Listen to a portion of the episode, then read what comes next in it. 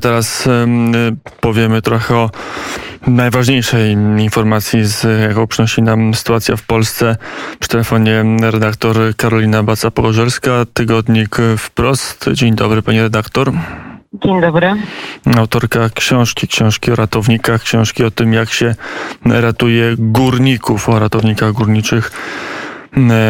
Mamy kolejny rozdział, kolejna E, tragedia e, w górnictwie. E, patrzę na bilans, on wynosi pięć ofiar śmiertelnych. Jaka jest historia dzisiejszej katastrofy w górnictwie? Dzisiaj w kopalni Pniówek w Pawłowicach, w kopalni węgla kamiennego należącej do Jastrzębskiej Spółki Węglowej 15 minut po północy doszło do pierwszego, pierwszego wybuchu metanu. E, z informacji, które napływały z kopalni, poszkodowane były w nim trzy osoby, trzech górników, którym na pomoc ruszyli e, ratownicy górniczy. To były dwa zastępy e, kopalniane, czyli takie zastępy, które dyżurują zawsze w każdej kopalni. Każdy zastęp to pięć osób, w związku z tym na miejsce udało się dziesięciu ratowników. Kiedy, kiedy oni dotarli pod ziemię, doszło do wybuchu wtórnego, do drugiego wybuchu metanu, no i to już e, siła była też tak ogromna i e, to, co się wydarzyło, no niestety spowodowało, że od rana e, nie było kontaktu, nie było kontaktu z wieloma, wieloma osobami. Do teraz, e, tak jak wiemy, pięć osób mamy potwierdzonych, które, które nie żyją. Siedem osób cały czas jest e, poszukiwanych. E, z siedmioma osobami nie ma kontaktu. Kilkadziesiąt osób trafiło do śląskich szpitali, w tym do Siemianowic Śląskich na oparzeniówkę. No, stan niektórych z poszkodowanych, rannych jest, jest bardzo ciężki. Najbliższe tak naprawdę godziny i dni też będą decydowały o dalszym ich losie zdrowia i tego, jak szybko ta rekonwalescencja będzie mogła przebiegać. E, takie są informacje na teraz. Wynik, wy, wy, przepraszam, warunki na dole były e, dzisiaj rano bardzo złe. Na chwilę akcja musiała zostać przerwana po to, by nie narazić życia kolejnych ratowników. W tej chwili na miejscu pracuje kilkanaście zastępów ratowniczych. To są ratownicy zarówno z kopalni, jak i z okręgowych stacji ratownictwa górniczego, no i zawodowi ratownicy z pogotowia Centralnej Stacji Ratownictwa Górniczego w Bytomiu. Mm, jak e, podają władze, mm, doszło do tego wybuchu mm, w rejonach e, ściany N6 na poziomie 1000 metrów, 1000 metrów pod ziemią.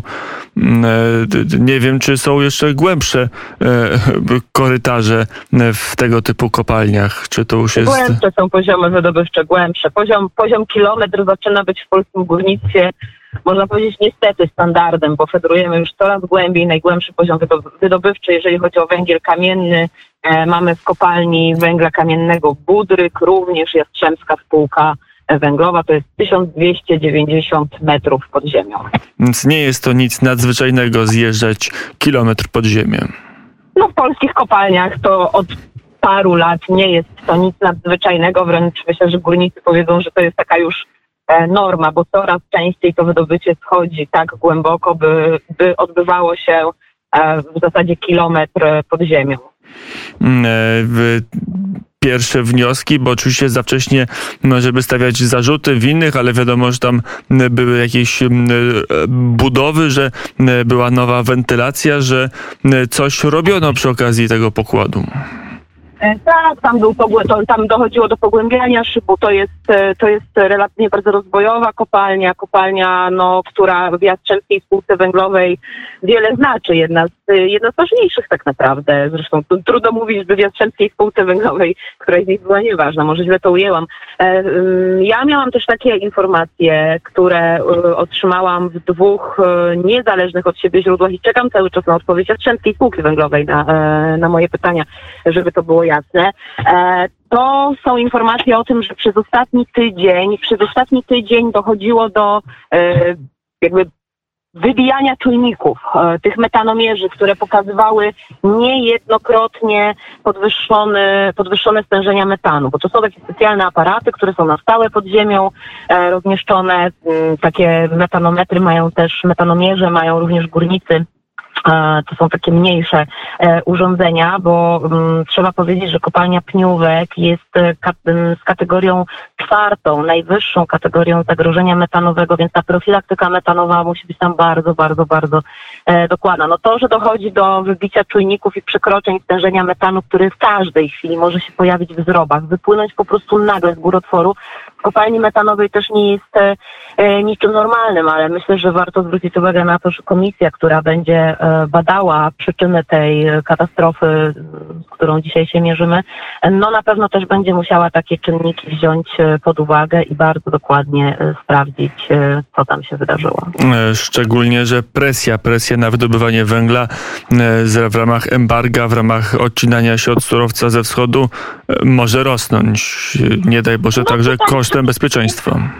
To tutaj mówimy trochę o czymś innym, bo, bo w kontekście embarga to my mówimy przede wszystkim o węglu energetycznym, który sprowadzamy e, do Polski. Natomiast kopalnie Jastrzębskiej Spółki Węglowej to są kopalnie wydobywające przede wszystkim węgiel dla metalurgii. To jest węgiel koksujący, baza do produkcji e, stali, więc to z energetyką i z embargiem nie bardzo się wiąże. Może się za to wiązać tym z kolei, że nasi e, wschodni sąsiedzi, Ukraińcy, też kupują od nas tego węgla więcej, ponieważ ich kopalnie ze względu na wojnę w niektórych rejonach, w niektórych podkreślam mm, rejonach e, nie, działało, nie działają i węgla koksującego nie dostarczają tyle, ile by na przykład e, mm, było potrzeba do produkcji e, jednak w dużej mierze w Ukrainie przywracanej. Między innymi w Krzywym Rogu zakłada ArcelorMittal wznowiły swoją produkcję zatrzymaną na początku marca przez, przez działania wojenne.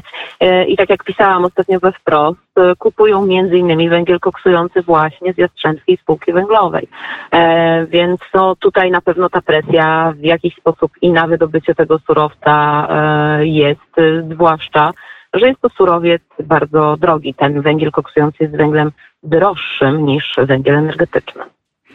Mm, a do tego jeszcze mamy jeden specyficzny rodzaj węgla, mm, który też już odchodząc trochę od katastrofy w Pniówku, też, a przechodząc bardziej do, do rozmowy o sankcjach i o mm, sytuacji geopolitycznej, będzie cenny, to jest antracyt. Polska kiedyś wydobywała antracyt, teraz znowu będzie wydobywać większej ilości, bo to był surowiec, który płynął w nie, głównej mierze. Nie, Jak w ogóle nie będziemy wydobywać antracytu, bo nie mamy takich możliwości. Mamy pokłady w nieczynnym od ponad 20 lat, Zagłębiu Wałbrzyskim, nie ma absolutnie żadnych planów do E, do tego planów e, mówiących o tym, by wracać do wydobycia antracytu. Antracyt w Polsce zużywany jest w tak minimalnych ilościach.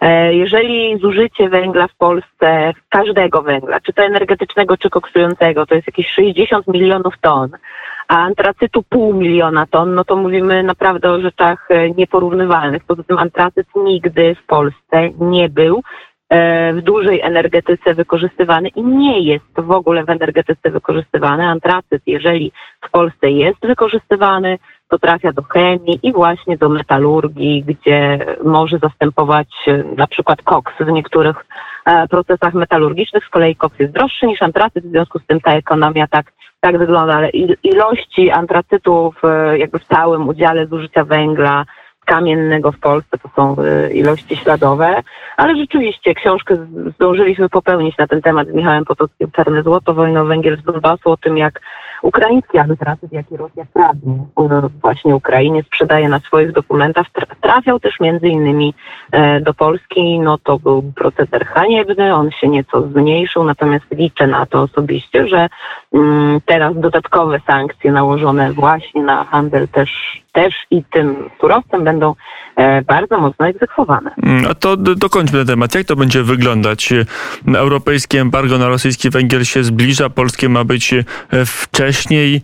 E, to będzie szczelna granica. Polska, czy szerzej Unia Europejska ma możliwości, aby kontrolować i rzeczywiście wypchnąć rosyjski węgiel z naszego rynku?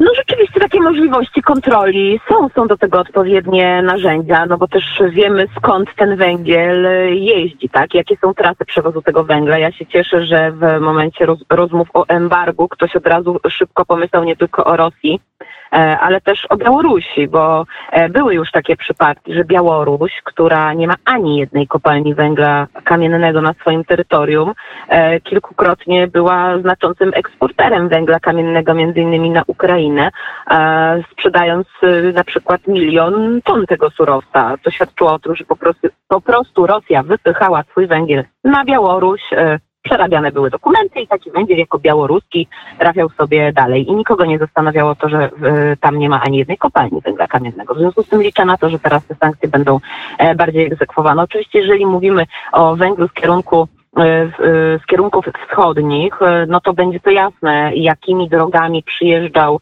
e, dotychczas ten węgiel, bo między innymi właśnie przez Białoruś i po prostu ta droga dla węgla e, zostanie zamknięta. Zastanawiam się w tym kontekście, jak będą się odbywały niewielkie, bo niewielkie, ale na przykład transporty e, węgla z Kazachstanu, tak, które nie będą e, jednak sankcjami e, objęte i myślę sobie, że tutaj będą po prostu dokładniejsze kontrole i większe wymogi, jeżeli chodzi e, o dokumenty. No nie może być tak, tak jak przy wspomnianym antracycie, że przez naszą granicę swobodnie przechodziły sobie, swobodnie przechodził sobie węgiel, który w listach przywozowych miał napisany na przykład kraj e, pochodzenia brak, a producent nieznany. I nie było żadnego problemu z tym, by taki węgiel tak wyposażony w takie dokumenty granice przejeżdżał, więc wyobrażam sobie teraz tak, że, e, że ta dokumentacja będzie musiała być bardzo mocno e, uszczegółowiona. No i liczę na to, że, że wejdzie, to, wejdzie to w życie jak najszybciej, bo akurat rosyjski węgiel e, trudniej i drożej, ale niemniej jednak na pewno w miarę szybko na polskim rynku e, może zostać e, zastąpiony nawet innym węglem z importu, no bo nie tylko węglem polskim, bo niektórych rodzajów węgli po prostu nam brakuje, bo nie mamy takich złóż. Mm, I trudno będzie je wydobyć. Y, Dzisiaj konferencja, to już ostatnie pytanie i proszę o dość krótką odpowiedź. Y, Na ile wojna na Ukrainie zmieni polski rynek węglowy? Jest tak, że, że to da jeszcze e, i energetyce węglowej, i wy, i wy samemu wydobywczemu pro, przemysłowi kilka e, więcej lat funkcjonowania?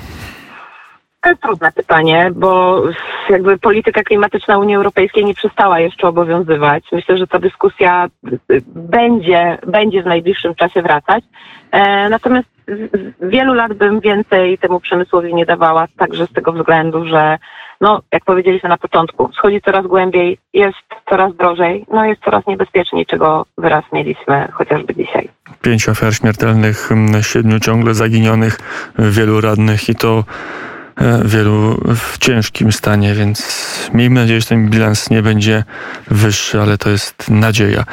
Karolina Baca-Pogorzelska, dziennikarka, autorka książek o między innymi o krwawym węglu, węglu z Donbasu, dziennikarka tygodnika wprost była gościem popołudnia wnet. Dziękuję bardzo za rozmowę. Dziękuję.